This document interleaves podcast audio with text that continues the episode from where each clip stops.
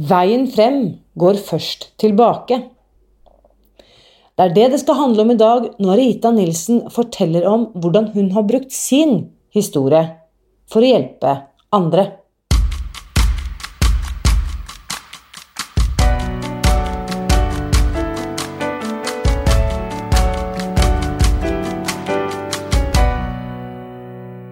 Mitt navn er Irina Lie. Jeg er journalist og forlegger, gründer og sosialentreprenør. I 2015 spiste jeg meg fri fra overvekt og fedme etter å ha slitt med vekt, kropp og følelser i nesten 30 år. Etter at jeg fant oppskriften på å spise meg fri, ga jeg meg selv et nytt oppdrag. Å dele denne kunnskapen med alle som trenger det. I første sesong av denne podkasten deler jeg hele lydboken Spis deg fri. Den finner du ved å bla deg tilbake i arkivet. Og hver uke inviterer jeg nå gjester som gir deg påfyll til hodet, hjertet og magen. For min visjon er å endre Helse-Norge.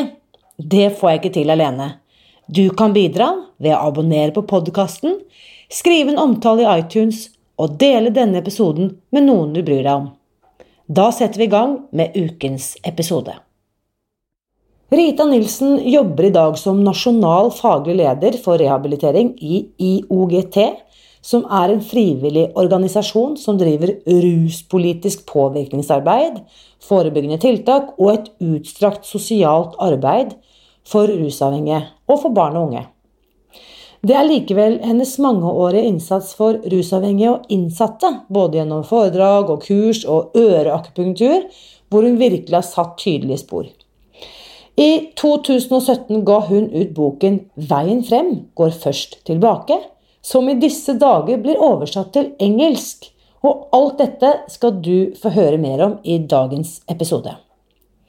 Først så tar vi med denne tilbakemeldingen som Grete skrev i iTunes for noen uker siden. Her står det under tittelen 'Knallbra'. Grete skriver Lite kan måle seg med denne podkasten på øra, det må vel være favorittmusikken? Fullspekket av kunnskaper og erfaringer rundt mat og selvbilde. For meg masse gode verktøy til endring, og med gode resultater. Jeg er veldig glad for å ha funnet boken og podkasten Spis deg fri. Anbefales varmt. Her må jeg bare si tusen takk, Grete. Og jeg vet at flere kommer til å finne frem til denne podkasten takket være din tilbakemelding. Så tusen, tusen takk. Kjære Rita, jeg er så glad for at du takket ja til å være med på denne podkasten. Tusen takk for at du inviterte meg. Jeg har visst om deg i mer enn ti år, eh, og det kan jeg fortelle deg litt mer om etterpå. Men Og det var lenge før du eh, hadde hørt verken om navnet mitt eller denne podkasten. Det var jo lenge før podkasten var eh, påtenkt. Men ja. fordi at jeg har vært interessert i temaet avhengighet, både av personlige grunner og av familiære grunner. Og da er jo ditt navn et navn som kommer opp veldig fort hvis man er interessert i dette feltet i Norge. Ja. Ja. Eh, og ikke bare har du vært det i ti år, du, du, eh, du, har jo vært den som har jobbet med dette i mer enn 20 år. Og en av foregangskvinnene. Bare ta det til deg. Dette er det ikke jeg som sier, dette er allment kjent. Dette er eh, Ja. Men for de som Tusen takk! Jo, og, og eh, Fortell litt, Rita vi kan begynne med sånn veldig sånn eh, CV-aktig greier først. Hvem er du, og hva, hva, er du på en måte Hva er det du jobber med sånn veldig overordnet? Hvem jeg er? Altså, jeg er en dame på 58 år. Som er gift og ikke har barn. Ja. Det er én ting. Men jeg har jo også en, en bakgrunn med både rus eh, og spiseforstyrrelse og selvskading. Sånn at eh, og selvmord, da. Så, sånn at jeg, jeg har jo jeg, Akkurat i år så har jeg levd like mange år rusfritt som uh, rusa. Så det er jo veldig bra. 24 år på begge steder. Gratulerer. Tusen takk. 24? Da er du bare 48, da? Ja, men jeg hadde ti år før hvor jeg ikke brukte, da.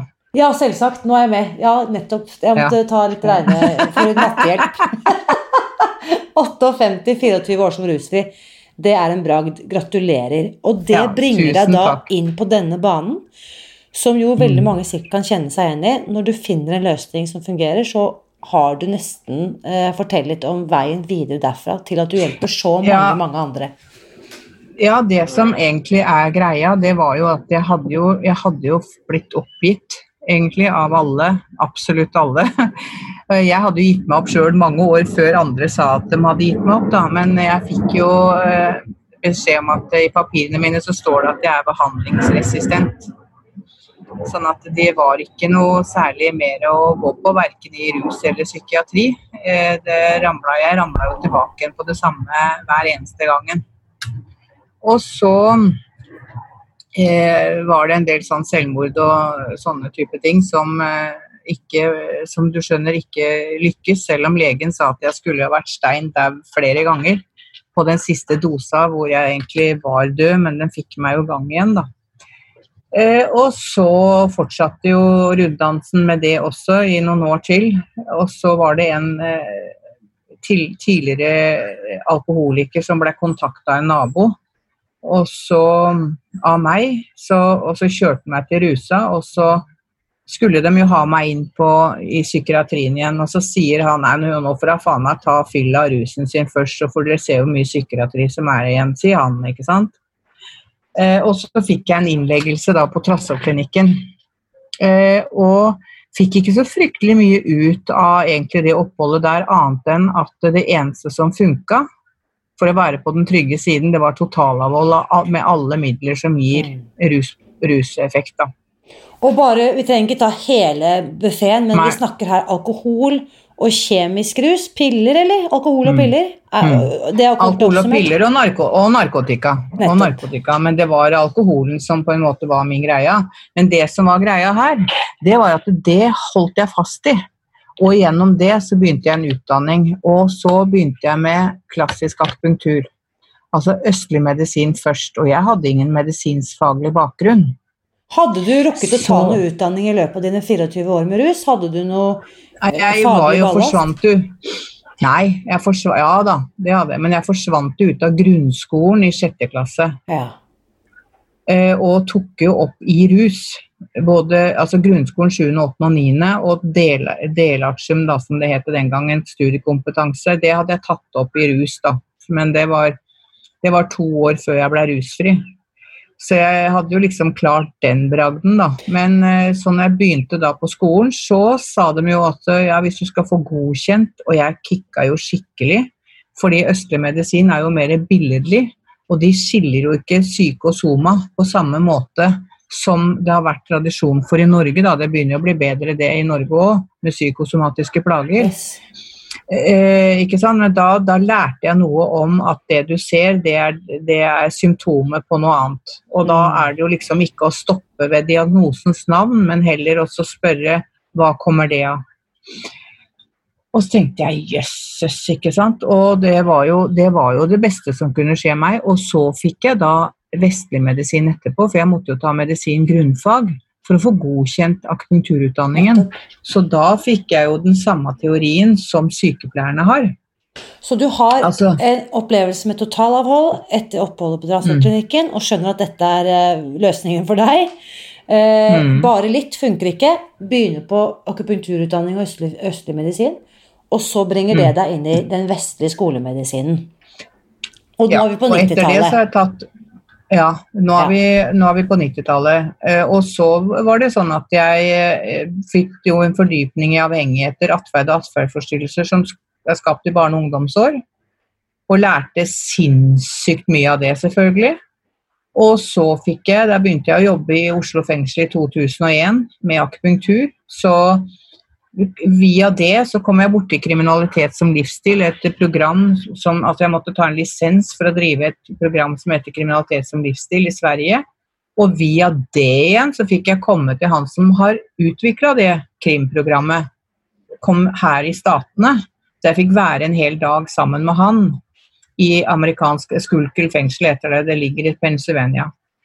Og så hadde jeg jo akupunkturen, så jeg var da og jobba i Bronx på, på til rus og psykiatri der eh, for å lære mer, og så ble jeg da trener for NADA International, da, nettverket Så- i Norge. La oss bare stoppe et lite øyeblikk, for når du sier her i Statene, når vi møtes nå, så sitter du Ja. faktisk i Florida, mens jeg er på hjemmekontor Ja. i Oslo. Så hvis Ja. noen tenker at de syns de hører noe bakgrunnsstøy, så er det fordi du sitter ute i det som ser ut som en utrolig vakker hage, med av og til litt flystøy i bakgrunnen. Men det tåler vi. Ja. Så, Ja, eh, tusen takk. Jo da. Og dette bringer meg frem til ett av de temaene jeg ville snakke med deg om i dag, nemlig NADA. Mm. Fortell om NADA-protokollen og hva det er. Hva det står for, og hva det innebærer, Rita. Ja. Eh, NADA står for National Acupuncture Detoxification Association. Det er et nettverk av helse- og, sosiale, helse- og omsorgsarbeidere som da eh, har utvikla et akupu- øreakupunkturprogram. Det er et standardisert program. Det er fem punkter i hvert øre. Eh, og det har vært gitt siden 74 her i Statene. Eh, det, altså i, i 1969 i, i Kina. Og så pleier vi også å si at det var Nixon som liksom tok Nadaen til, til Vesten. Da. For at eh, når han var på statsbesøk, så fikk jo et, en i pressen et akutt eh, buk, altså sånn maveproblem. Og det eneste de hadde å tilby før operasjon, det var akupunkturbedøvelse. Og da hadde han jo et helt, et helt altså Pressekorpset var jo der, altså rundt Nixon selvfølgelig, og fikk jo oppleve dette her. Og dr. Michael Smith, da, som liksom er grunnleggeren for NADA, organisasjonen NADA, men også som har liksom eh, gjort dette her og forska seriøst på det. da. Eh, han var jo psykiater i Bronx på Lincoln Hospital. Eh, Og han var en sånn smart jævel, vet du. Så han, for han hadde jo lest da eh, Han hadde lest en, eh, en, en artikkel fra han doktor. Venn, da, som han heter. En nevrokirurg som hadde gitt en opiatmisbruker denne bedøvelsen for å kunne eh, operere den. Altså det er jo bedøvelse egentlig med noe Da er det noen elektriske stimulier og masse Det er litt mer enn det, altså. Men så så dr. Venn at han her var ikke forsvarlig å operere. Han var så opiumsabstinent at det var helt uansvarlig. Eh, Men det som han la merke til, det var jo at eh, opiumsabstinensene hans blei borte. Med Og så tenkte han det her Mm. ja, dette må, vi, dette må jeg undersøke mer, for det var jo et stort opiumsproblem i Kina. Mm. Eh, og, og det skapte masse, masse sosiale problemer, eh, i tillegg til alt mulig annet, selvfølgelig. Og så forska han jo videre på det. Så dr. Smith hadde jo fått tak i denne her på Lancet. Han hadde hatt den på Lancet, denne artikkelen fått smugla ut fra Kina. Og dr. Smith, vet du, som nettopp da hadde fått en liten sum til å kunne hjelpe svarte og, inne i Bronx, eh, som egentlig bare var en spot, da, for, fordi myndighetene ville jo vise at det her var waste of time og money, ikke sant? Mm. Og så investere noe i det der greiene der inne. Men så eh, brukte han jo det smutthullet han fikk via Nixon, da. Så det er liksom sånn der eh, internhumor, dette, da, vet du. Med at det er Nixon som jo Han gjorde noe godt, da. Så 1974 kommer dette til Vesten og USA. Uh, I Bronx, ja. I Bronx. Mm. Er det da slik å forstå at det er du som bringer dette til Norge? Å nei, å nei. Så Jeg skulle gjerne ha sagt det, men det er ikke helt tilfellet, Jeg forbinder nemlig Nada kan- bare med ditt navn. Ja. Jeg kan ljuge på meg det. Nei da, det er egentlig Heidi Tronsen via, via, som jobba den gangen på utseksjon, og Nada UK, altså uh, England, Uh, United Kingdom. Eh, de eh, hadde, Heidi Tronsen hadde et samarbeid med John Tindall der. Og hun fikk han over til Norge, så det er hun som egentlig Men, men eh, så eh, er det jo livet går sin gang, holdt jeg på å si, og, og hun fikk vel andre arbeidsoppgaver og sånne type ting. Og så plutselig så ble Nada borte i Norge, så det var liksom ingen som tok det opp. Og så fikk jeg en telefon fra Sverige, eh, fra Kajsa Langgren som var der, da. Og så sa det at nå har vi ingen kontakter i Norge, kan du være så snill, du er den som har jobba lengst med det i Norge. Kan du og jobbe med det daglig, kan du tenke deg å se på muligheten om du kunne bli en kontaktperson? Fordi Det jeg da forbinder med deg, Rita, og første gang jeg hørte om deg, er jo nemlig Retretten. Eh, Ja. Fortell om retretten. Som, er, er det greit å kalle det liksom en av barna dine? en baby? Eh, det er Så jeg, vet vet at det, altså Jeg skal jo prøve nå, for en gangs skyld, å være litt politisk korrekt. Det er ikke det jeg er mest kjent for. nettopp. Men eh, nei, sånn at eh, som jeg sier det at uh, retretten altså, Nå har ikke jeg noe sånn sentimentalt forhold til uh, sånne type ting. Uh, men det er ikke riktig å si. Jeg skal si jo da, det er et av barna mine. Det var nå en gang jeg som grunnla hele retretten. Og hadde grunnkapitalen via dagboka jeg skrev mens jeg var på Trassoklinikken. Og så var det et fantastisk styre, da, eller jeg snakka med dem, for jeg starta jo med Anta-kurset først. Det som liksom er eh, programmet til eh, Veien fram går først tilbake. Som da Så det var er jeg. Nettopp. Eh, la oss da begynne med eh, jeg, har bare så, jeg er så utålmodig. Jeg er ikke utålmodig, men jeg har så lyst til å Ja. snakke om så mye i løpet av denne. For vi har jo så uendelig mange temaer vi kan snakke om. Anta-kurset er jo ditt. Altså Det er en metode ja, du har utviklet. Ja. Og ja, det er jo Fortell veldig kort om Anta, Rita. Hva, hva det er ment for. Anta-programmet det er jo da et lærings- og motivasjonsprogram. For jeg tror jo på det at kunnskap er det som skal hjelpe folk. Og kunnskap det tar du med deg inn der hvor du får den hjelpa du føler, eh, føler bidrar noe positivt for deg. Men så kan du ha da en grunnkunnskap om hvordan kropp og syke fungerer. Og at, eh, at eh, vi er nødt til å kjenne vår egen historie for å kunne endre eh, det som ikke fungerer. Og det med avhengighet, det er jo sånn at jeg hadde jo, hadde jo store spiseforstyrrelser før jeg begynte å ruse meg, altså før jeg var ti år. Og jeg hadde selvskading. Eh, Sånn at eh, rusen blei, når jeg fikk smaken på rusen, så blei jo det den følelsen, både selvskading og det å sulte, og det å forspise seg eller overspise, det liksom klarte jeg å koble da inn i ett middel. Og jeg begynte jo med hasj da, eller ja, det var jo det også, og bensin da, det var det som liksom var mest tilgjengelig, og litt alkohol. Men det var liksom det som da det gjorde liksom susen alt i ett. Altså, da la jo alle vonde, ubehagelige følelser og det, den maktesløsheten og den fortvilelsen og sånn som jeg ikke visste verken helt maktesløs eller fortvilelse, var bare at jeg hadde det veldig vondt og hadde det vanskelig. Så når jeg fikk rusen, så blei jo spiseforstyrrelsen og det, da var jo ikke det et tema lenger. Bortsett fra de periodene hvor jeg da prøvde å, å holde meg unna rusen. Da var jo religion og fanatisk eh, og følging av eh, bibler og altså, sånne type ting var jo kobla på. Jeg har vært inne i, i sånne New Age-greier også, så prøvde å liksom Altså, det har vært så mye at det, det liksom Men det blir liksom sånn voldsomt. Altså da liksom 110% og så funker ikke det der lenger, og så ramler jeg tilbake igjen til rusen. Fordi dette det er akkurat det som Det andre temaet jeg sa at jeg hadde så lyst til å snakke med deg om, nemlig det du er inne på nå, nemlig kryssavhengighet. Krysstoleranse. Ja. Krysstoleranse. Ja, ja.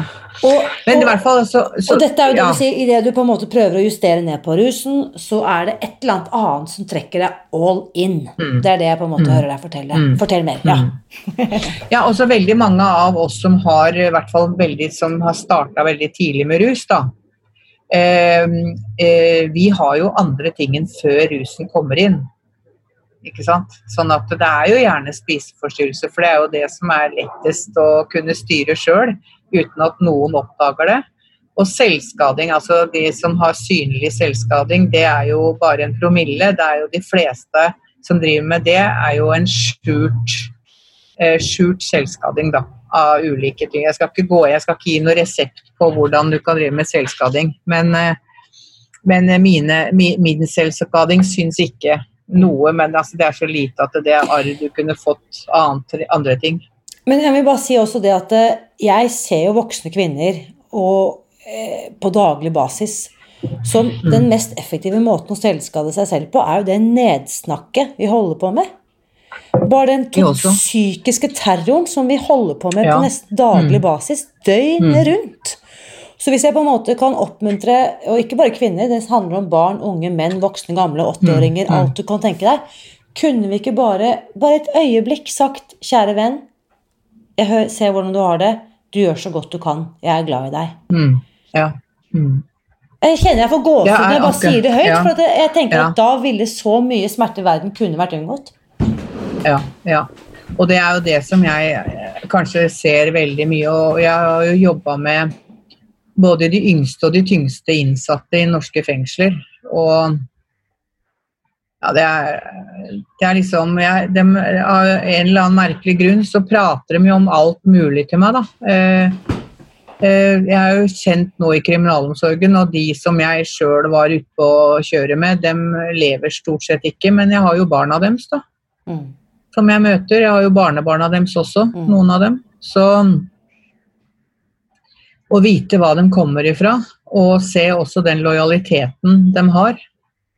Eh, fordi de, de liksom Det er mye bedre at de legger skylda på seg sjøl, Mm. og liksom ser på seg sjøl som håpløse unger som det ikke var eh, mulig å kunne holde styr på, enn å si det at eh, det var vel kanskje ikke noen trygge voksne veiledere der heller. Mm.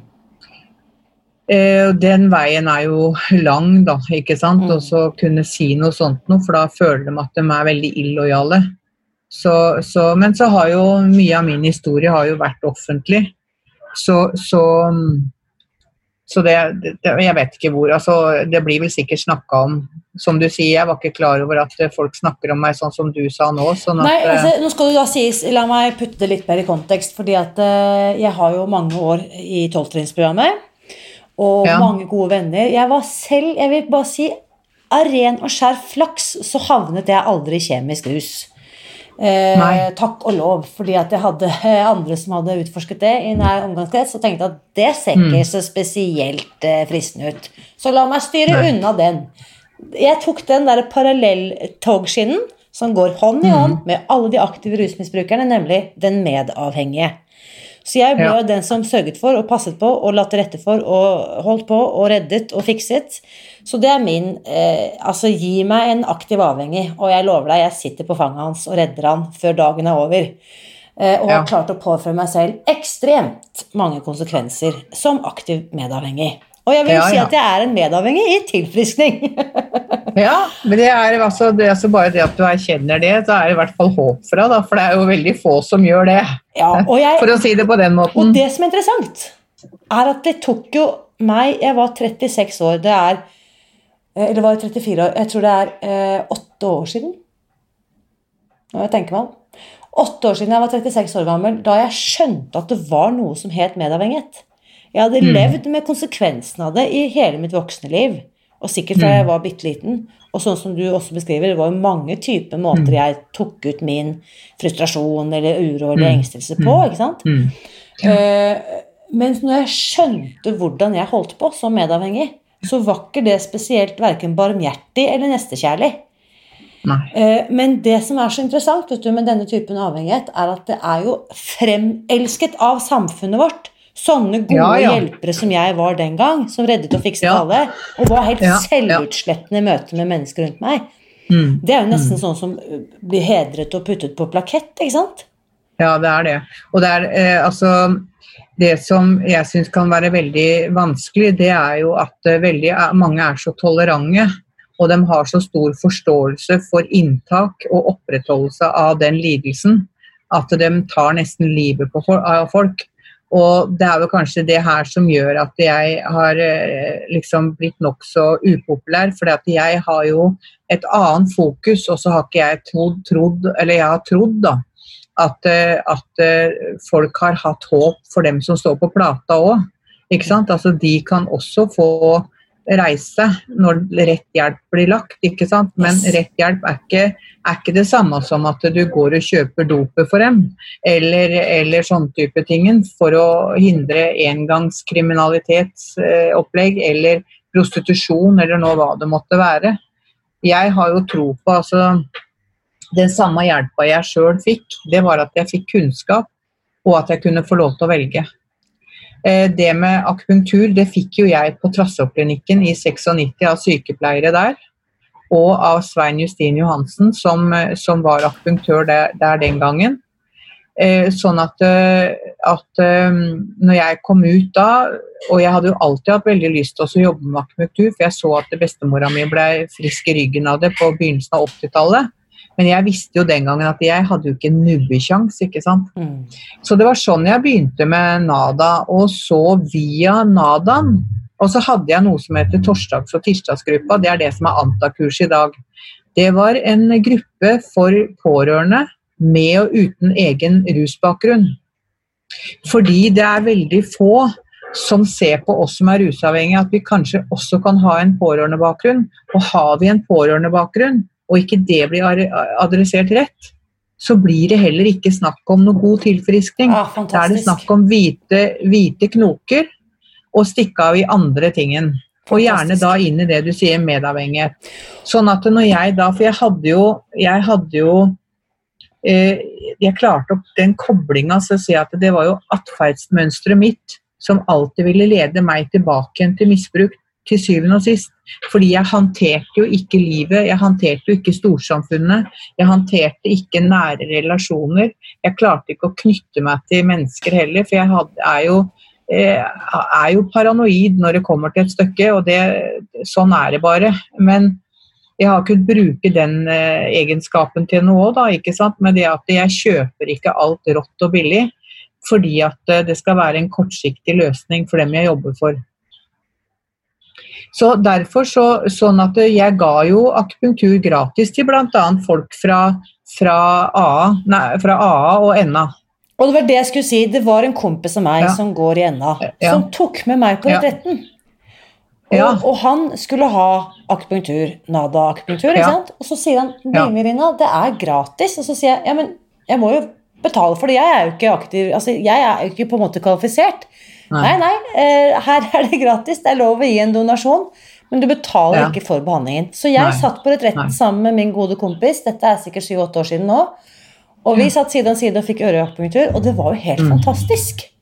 Det er veldig fint. Og nå brukes jo mye somatikken. Og når jeg fikk kreft sjøl, så satte jeg jo akupunktur på meg sjøl. Jeg hadde veldig beinhard cellegift, for jeg hadde jo en veldig aggressiv kreft. da. Eh, og ja, eh, sånn at, at eh, Og jeg satte akupunktur på meg sjøl. Og NAD-akupunkturen, det eneste funksjonen de har, er å styrke immunforsvaret. Ved at du reduserer kortisolet Yes. i blod. That's it. Det er det eneste. Men jeg må Det er bare si ingenting annet. Det var som om jeg fikk liksom en sånn uh, Idet disse nålene var satt Og jeg, Ja. jeg hadde jo fått mye akupunktur før, men jeg hadde ikke fått den typen akupunktur. Og Nei. det var som om, liksom, sånn som du beskriver Hele systemet roet seg, kjentes det Ja, ut som. gjør det. Ja, ja. Og så jobbet jeg sammen med Bymisjonen på en bokprosjekt. Jeg har jo vært forfatter i mange år og skrevet flere bøker med Bymisjonen. Og da møttes faktisk du og jeg på et, ja, på et arrangement i Børsparken.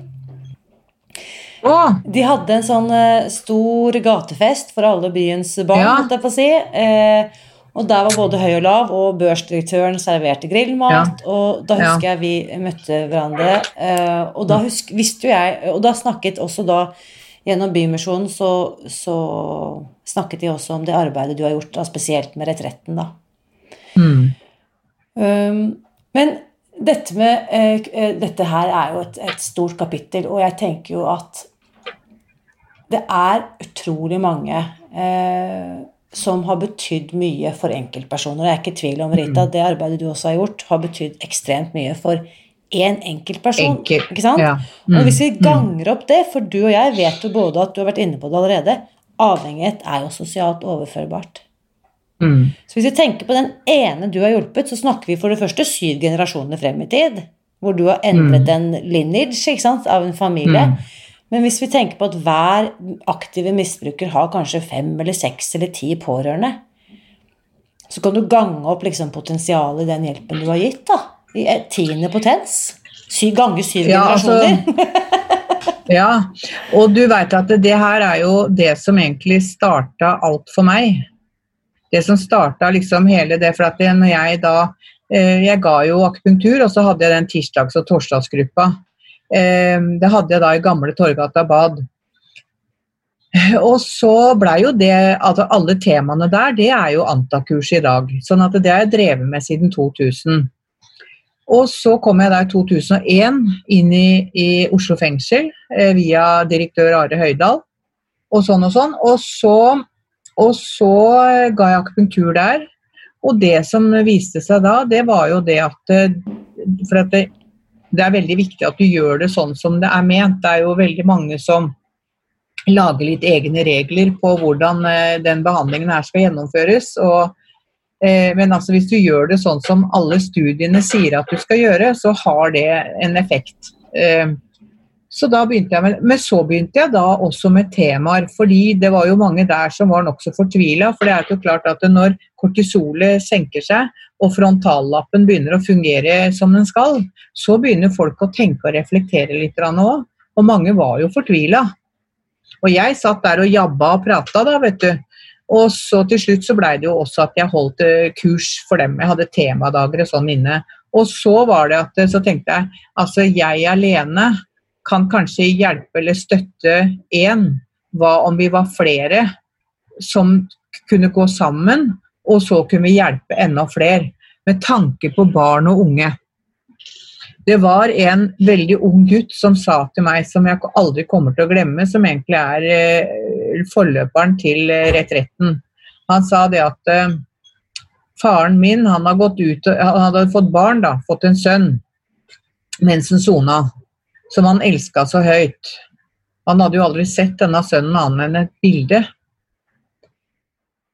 Eh, og så tenkte jeg ja, for å kunne elske noen, så må du ha en relasjon. Mm. Og det å se et lite nyfødt barn på et bilde, det er liksom ikke helt sånn eh, som liksom handler Det er liksom noe sånn intuitivt som far, kanskje. Jeg er verken far eller mor, men jeg kan jo tenke meg at eh, det er noe sånt noe som skjer.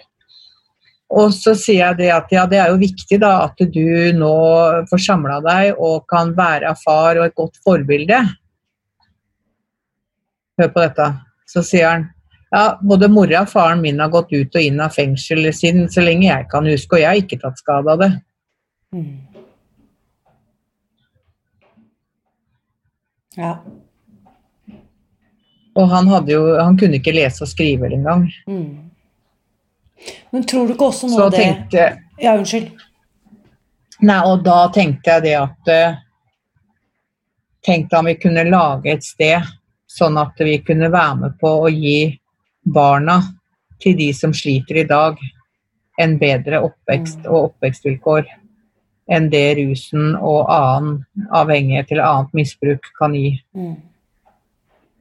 Og så blei det sånn, da. Da, jeg jo, da, brukte jeg jo den boka, eh, den som heter 'En alkoholikers dagbok', som, som, grunnkapital, og så bygde vi det opp derifra. Mm.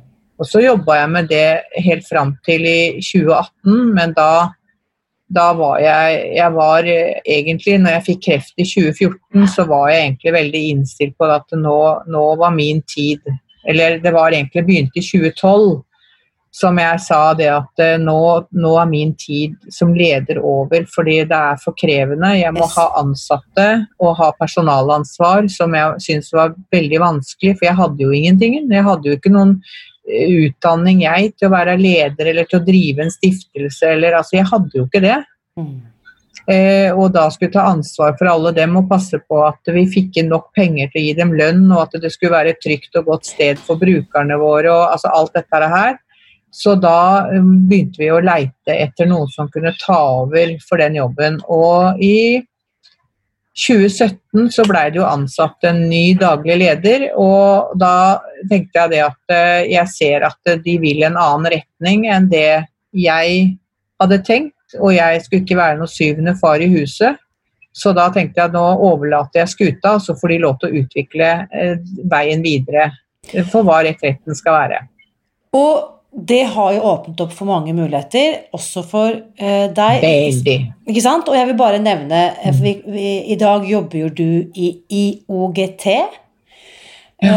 Um, som uh, Jeg vet hva det står for, jeg har vært intervjuet der også og, og, snakket om den boken jeg skrev for noen år siden som heter 'Alkoholfri'. Men bare fortell litt kort uh, om det altså, IOGT, det er jo ja, Jeg er jo nasjonal ja, jeg er nasjonal faglig leder for rehabilitering. Dvs. Si at eh, IOGT er en ruspolitisk organisasjon som har forebygging. eh, som utgangspunkt. Altså alt som har med forebygging. Det var morsomt. Jeg leste på et av de der gamle, gamle charterne de har fra 1857. Og der sto det det at IOGT sin misjon var å eh, beskytte og gjenreise. Mm. Å beskytte er jo da primærforebygginga, som liksom er det at vi skal prøve å få minst mulig utsette debutalder, minst mulig drikking, minst mulig rus. ikke sant? Det er jo det som de jobber med, da. ikke sant? Sånn hovedgreie. Og så gjenreise de som da har fått problemer, eh, og det er det jeg gjør. Så nå eh, rulles jo da Anta-kurset ut nasjonalt i deres eh, lokaler og deres ressurser. Så i fjor så hadde vi 422 deltakere. Fantastisk. Anta-deltakere. Gratulerer. Ja. Og, vi inne, ja, og vi er inne i tre fengsler. Og jobber i eh, Ravnaberget kvinnefengsel er jo det ene av det. Og så er vi da i Sandeid og Haugesund fengsel. Og Ila fengsel og forvaringsanstalt er vi også inne, både med akupunktur og med, eh, med Anta-programmet. Altså det er jo flere moduler, da. Så, ja, og så si... har vi vel ja, unnskyld. Ja, så har vi da sju eller åtte eh, supportgrupper som er sånn der oppfølging av Anta, og to for pårørende. Sånn at det, det drar seg til. For jeg holdt på å si, De som ikke er så heldige å være innsatt i noen av de fengslene hvor disse kursene og akupunkturen tilbys, så vet jeg også at du har skrevet en, Jeg må bare nevne denne boken. Eh, det må jeg ikke glemme. I 2017 så skrev du boken 'Veien frem går først tilbake' som du skrev ja. i samarbeid med mangeårig journalist Jon Gangdal. Han har jo skrevet ja. utrolig mange og bidratt til utrolig mange viktige samfunns... Eh, altså bøker av høy samfunnsmessig viktighet, og som nå i disse dager, i 2020, våren 2020, er i ferd med også da å bli omsatt til engelsk, slik at den kan bli utgitt i USA, og der kommer den til å hete A path to your future is hidden in your past.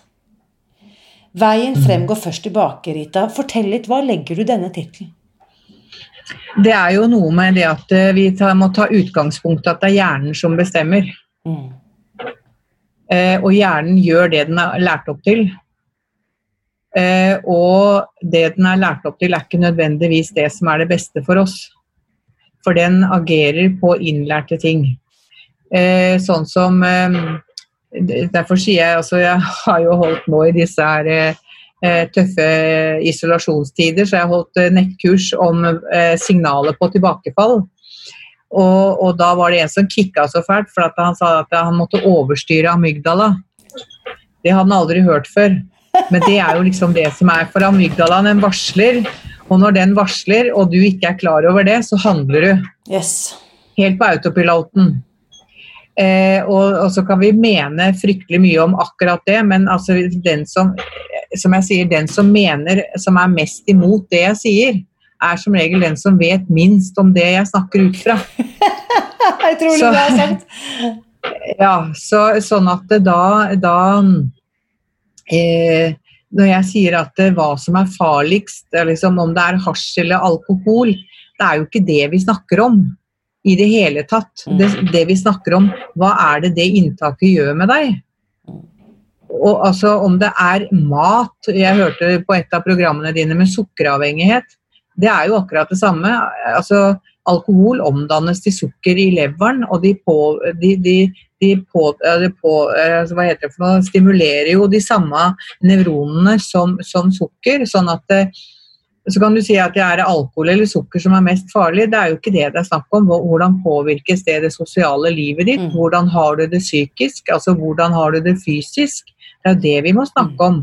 Hva som er farlig eller ikke farlig, det er helt uinteressant, det. Og litt sånn som eh, Jeg er jo ikke hjerneforsker, men det jeg vet at hjerneforskningen viser Vi har bare ett mm. belønningssenter. Og hva du bruker for å kicke opp det, om det er sex eller porno eller dop eller mm. hasj eller sukker eller hvetebakst mm. Altså Hvetebaksten tar livet av deg litt saktere enn hasjen. Ja. Mm. Og er du liksom ordentlig effektiv, så kan du ja, mm. Jeg skal fortelle deg om en ting med spiseforstyrrelse. For at det, å ja, jeg er sukkeravhengig. Det var, jeg hadde naboen min her i, i går på middag, for det var morsdag her i USA i går, og det er en nokså stor dag hennes barn er spredd i to forskjellige, tre forskjellige stater, sånn at, eh, at, eh, Så hun måtte ta til takke med oss, da. I samme stat som meg. Og og, ja, hun var sukkeravhengig. Så sa jeg, så sa jeg Lorraine, hva legger du i det? Mm. Og jo, hun måtte ha en sjokoladebit. Ja, så sa jeg én sjokoladebit, eller en sånn svær pose med sjokolade, eller sånn 5000 kroners plate. Å, det er jo det, jeg måtte bare ta en liten bit, ellers så ville jeg bli så tjukk. Og så sa jeg, men da har du ikke noe med avhengighet å gjøre. Mm. Det, det er liksom det er, far, det er samme som å si til en som koser seg med en glass likør, det, vet du. Eller en whisky, eller hva det nå måtte Én! Ja, den har jo ikke noe problem. Mm. Det er jo jeg som har problem, for jeg veit jo ikke når dette glasset, hvilket årstall dette glasset mitt blir tømt. ikke sant? Mm. Sånn, at, sånn at vi må skille på dette her også. Så for de som er i tilfriskning eller er motivert til å ta Mm. grep, enten det er snakk om hasjen, alkoholen, eh, selvskadingen, maten, hvetebaksten Hva vil du si? Litt sånn word of, words of inspiration. Er det håp? Å ja, masse. Å kjære, vakre vene. Masse håp. Masse håp. Du må bare legge forholdene til rette Mm. for at det skal gå bra, og den må jo du gjøre. og Det er da du må gå tilbake og se på tidligere erfaringer. Hvordan løste jeg den og den utfordringen? Du har kanskje vært borti den codependency òg? Mm. Koda i Norge. I forhold, altså, jeg var vel på et av de første møtene til Katrine, eller hva hun het for hun som starta det. Eh, og det var veldig, veldig fascinerende, for da var jo jeg akkurat i den utdanningen min, og da var det jo noe med, med steder, ting, mennesker og situasjoner som kan sette i gang trigger, ikke sant. Mm. Og da er det jo sånn at jeg må jo jobbe med meg sjøl og se på hvor er det jeg får det dårlig. Det her kaller jo han eh, Gorski for, for pseudoabstinens. ikke sant? Altså du, du trigger hjernen. Det er som posttraumatisk stresslidelse omtrent. Altså du, du vekker gamle minner som setter i gang sug. ikke sant? Og når du vet Du har jo så mange erfaringer på at det er det du kommer til å gjøre. Ja, men hva må du gjøre da for å styre unna? Og det eneste mennesket som kan gjøre det, er deg. Mm. Så hvis du vet at det å sette deg ned i sofaen sammen med ektefellen klokken åtte på en fredag gjør at du unødvendigvis automatisk stapper den hånden oppi den bollen med det ditt og datt, Mm. så kanskje gå deg en tur i stedet da, den fredagen. Ja. Gjøre et eller annet som gjør at du faktisk Så du ikke trenger du, må bry, du, må bryte, du må bryte sånn som Jeg har jo aldri alkohol hjemme som mannen min, så når vi flytta sammen i 1800 og den tid, så sa jeg til han at ja, det er liksom Du kan aldri ha alkohol hjemme. Aldri. Sånn at det må du nødt til, og det var jeg veldig tydelig på, at det kan du ikke ha. Fordi at hvis jeg gir faen, så er det det jeg gjør, og jeg må få en mulighet til å angre meg. Ja. Og da må jeg ut. Da må jeg gjøre en aktiv handling for å få tak i noe som ligger utafor hjemmet mitt. Og forhåpentligvis så vil jeg da kunne angre meg på vei. I løpet av de 500 meterne bort til butikken så har du rukket å ta noen dype pust Ja, og kanskje Ja. angret deg. ja. Men hvis du har Også det i kjøkkenskapet, så har du det altfor lett tilgjengelig. Og brutt den tankerekka. For det, da er det jo ikke den rusen, men det er jo følelsen, rusen, Mm. eller maten, eller hva det er for noe. Det er jo den jeg er på jakt etter. Og det er den tankerekka jeg er nødt til å bryte. Jeg må ikke flytte inn i den gode opplevelsen som amygdalaen minner meg på. ikke sant? For det er jo det den gjør. Enten at du er bra, ikke fare, eller at det er fare. Fight, flight, freeze, ikke sant? Så, sånn at det er de tingene her som vi er nødt til å, å, å bli kjent med. Og, og, og så må vi alltid tenke på altså sånn ja, Dette her er veldig brutalt, da, ikke sant? Men det, det jeg sier nå, så det kan du velge hva du vil gjøre med. Men det var en, en mann som var på kurs hos meg for mange, mange år siden. Han hadde to barn, og så hadde han fått et barn til. Og de to barna de hadde med en annen ektefelle eller med noen annen, og så to forskjellige, og så hadde han fått nå et nytt barn. De her var nokså store, disse andre. Og så kom han på antakurs og skulle bli edru. Fordi, ja, så sa jeg, hvorfor skal du det? Eh, Hva er målet ditt med å være edru? Nei, han, må, nei, det var han, eh, han hadde blitt far, og da, da Så han, eh, han, han ville ikke drikke, da, for han var far, blitt far. Så sa jeg det at ja, men jeg syns du sa du hadde to barn før. Var de ikke så viktige, de to barna da, som du hadde før? Eh, jo, ja, hvorfor blei du ikke edru da, da, sa jeg. Hva er som er liksom forskjellen her nå? På at du liksom skal bli edru for den ungen du har fått nå? Og det kunne jo selvfølgelig ikke svare på. Mm. Altså, jeg visste det jo, men han mangla jo de orda sjøl, ikke sant. Mm. Og så sa jeg det at du blir aldri edru, du stopper aldri med en destruktiv handling som gjør deg godt for et annet menneske. Du gjør ikke det. Du må alltid stille deg sjøl spørsmålet 'What's in it for me?' Ja. Mm. Og da sa han 'Er du gæren?' sa han. Ja, det kan godt tenke seg at jeg er. Jeg har fått høre det noen ganger at jeg er det. Og så sa jeg det som jeg har hvert fall hørt tidligere fra folk eller fedre i samme situasjon som deg, det er det at de ønsker å være et annet menneske. De ønsker å være til stede for barnet sitt. De ønsker å oppleve første fotballkamp. De ønsker å oppleve første dag i barnehagen, første skritt. Altså første, Ja, kanskje også følge ungen din opp alterveien, hvis det er det det ender med. Det er det, og Da er det 'what's in it for you'. Det er fordi du ønsker å oppleve det der. Og han begynte jo å grine, så sa han sånn har jeg aldri tenkt, sa han. Han har fått flere barn, og han er like edru. Fantastisk. Ja. Eh, Rita, jeg må bare si eh, Jeg eh, fremsnakker alt det du gjør, og ritanilsen.no, der kan folk finne masse informasjon. Finne kontaktinfo, mer info om kurs, bøker, eh, alt mulig rart. Og så håper jeg når du en gang eh, kommer tilbake til Oslo, for du skulle vært tilbake i Oslo for lenge siden eh, men- Veldig for en måned siden! Men når du er tilbake, så vil jeg gjerne få lov til å fortsette samtalen med deg. Eh, invitere deg på en kaffe, eller jeg drikker ikke kaffe lenger, men invitere deg på noe kaldt å drikke. Og så Ja. må jeg bare si tusen, tusen takk for at du deler kunnskapen din nå også i denne podkasten. Bare hyggelig. Jeg gleder meg til å gi deg en klem. Takk i like måte. Selv om dagens episode snart er slutt, betyr ikke det at denne samtalen er over. Den fortsetter nemlig gjennom hele uken i den åpne Facebook-gruppen Spis deg fri. Så bli med her, du også. Som du kanskje har fått med deg, lanserte jeg tidligere denne uken sommertilbudet vårt. I dag er det faktisk siste dag tilbudet er tilgjengelig, så skynd deg over til spisdegfri.no sommertilbud hvis du vil gi deg selv et lettere liv denne sommeren. For som du hørte Rita si i dagens episode, tilfriskning er mulig uansett hva det måtte være du sliter med.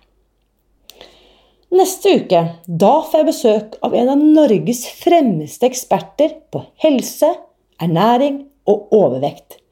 Da kommer nemlig Samira Lekal, som er spesialist i indremedisin og har en doktorgrad innen forebygging av hjerte- og karsykdom og overvekt. Som du skjønner, den episoden vil du ikke gå glipp av. Og helt til slutt Mitt motto er at gode nyheter er skapt for å deles. Hvis du har lyst til å hjelpe meg med det, så skriv gjerne en omtale av dagens episode i iTunes. Det fører nemlig til at flere får muligheten til å oppdage innholdet i denne podkasten. Husk også at jeg heier på deg. Alltid.